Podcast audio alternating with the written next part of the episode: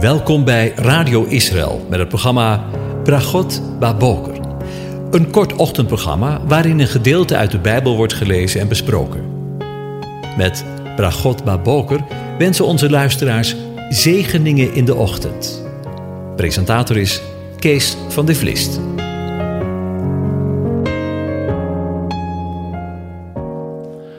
Goedemorgen, beste luisteraars. Vanmorgen denken we verder na over Psalm 40. Ik lees het gedeelte aan je voor. Heren, u zult mij uw barmhartigheid niet onthouden. Laat uw goede tierenheid en uw trouw mij voortdurend beschermen. Want rampen, niet te tellen, hebben mij omvangen. Mijn ongerechtigheden hebben mij getroffen. En ik heb ze niet kunnen overzien.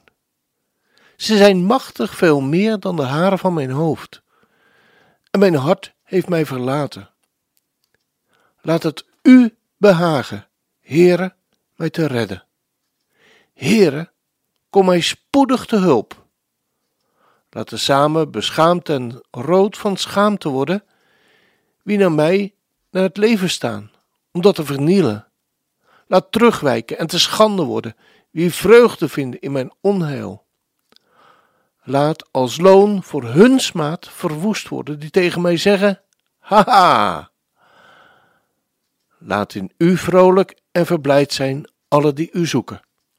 Laat wie uw heil liefhebben, voortdurend zeggen: De Heere is groot. Ik ben wel ellendig en arm, maar de Heere denkt aan mij.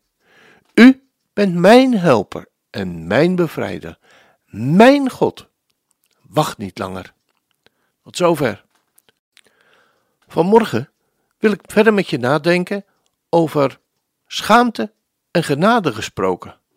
Vandaag denken we na over de woorden die we zojuist gelezen hebben.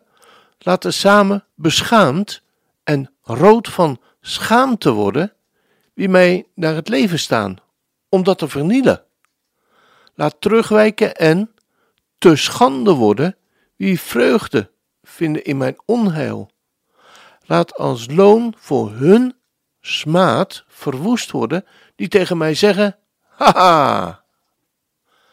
Ja, in dit gedeelte wordt er driemaal toe over het, beschip, over het begrip schaamte gesproken.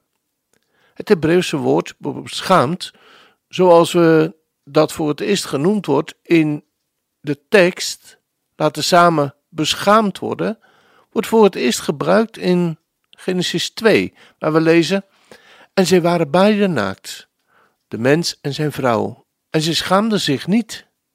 Zij schaamden zich niet.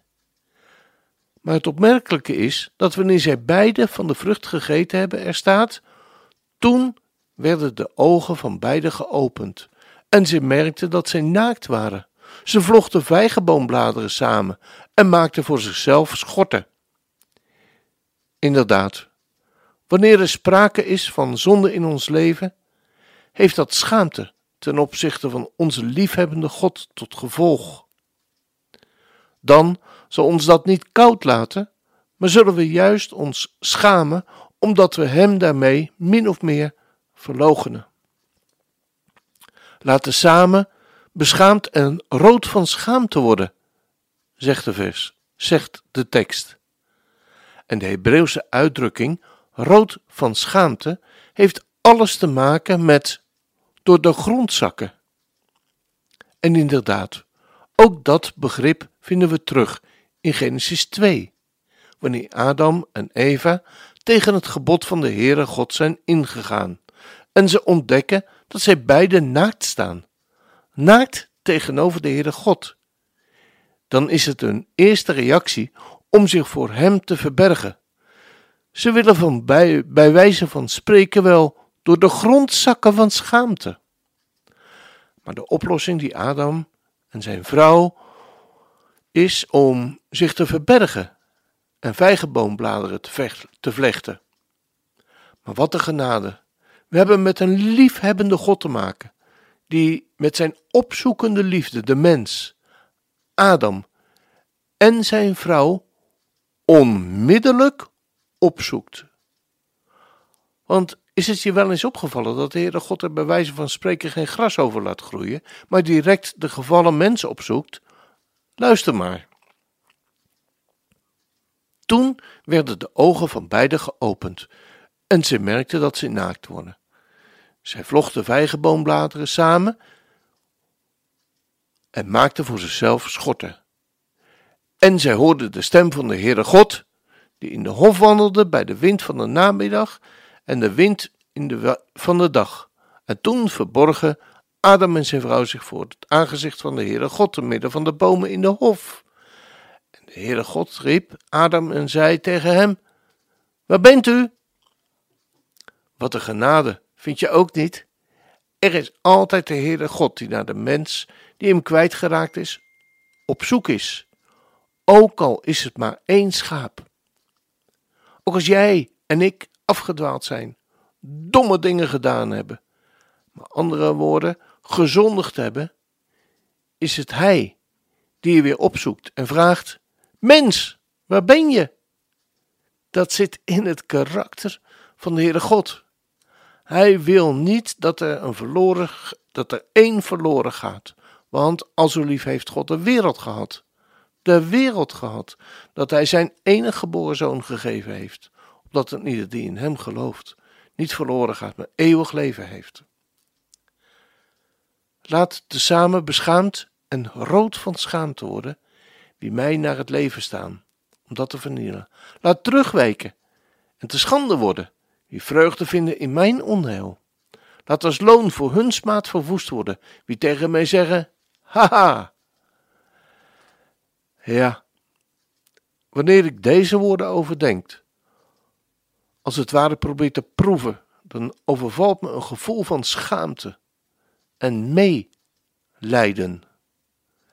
Meelijden om wat we als mensheid, waarvan ook ik deel uitmaak, de Messias, die in deze Messiaanse psalm aan het woord is, aangedaan hebben. Wij zijn, en ik ben, er mede de oorzaak van dat zijn leven, zoals de tekst zegt, vernield is. Met andere woorden, dat hij zijn leven heeft afgelegd en de dood is ingegaan.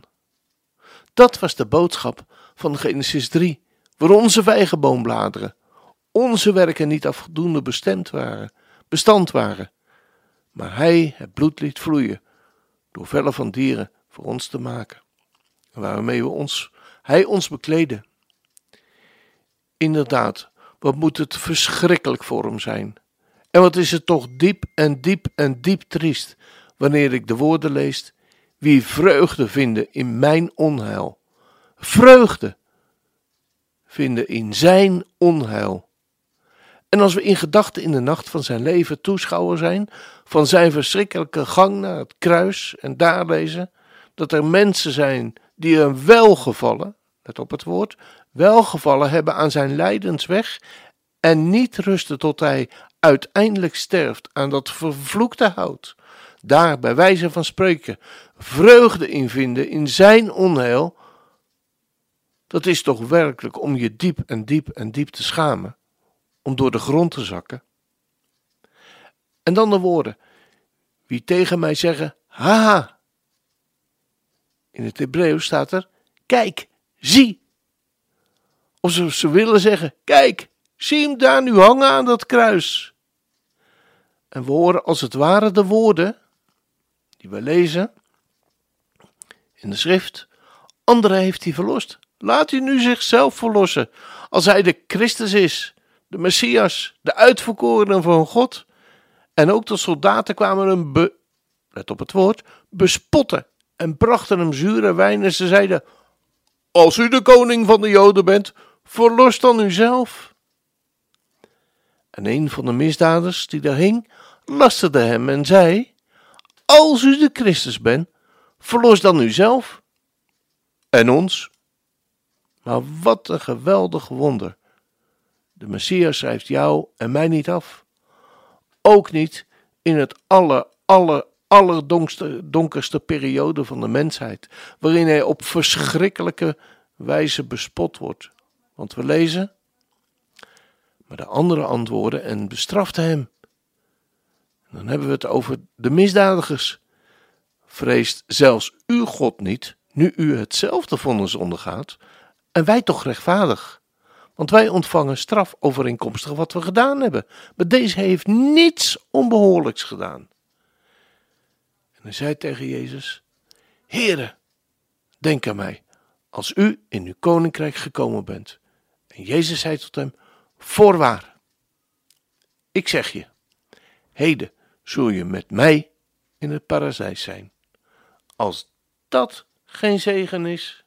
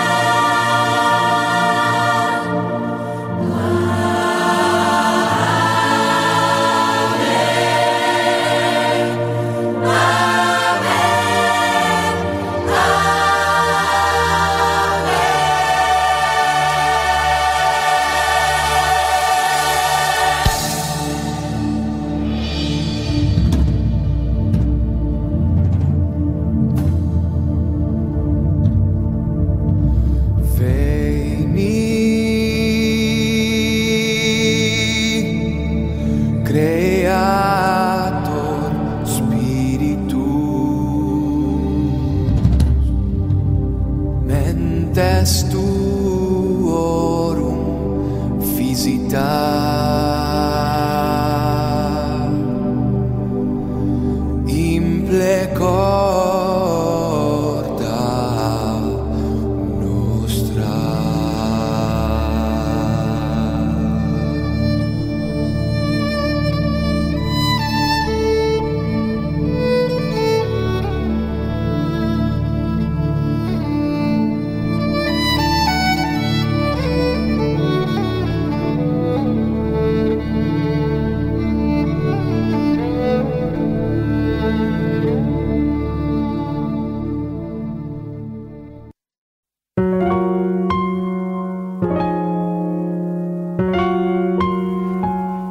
hebt geluisterd naar het programma Bragot Baboker. Een kort ochtendprogramma waarin een gedeelte uit de Bijbel wordt gelezen en besproken. Wilt u het programma nog eens naluisteren, dan kan dat. Ga naar radioisrael.nl en klik onder het kopje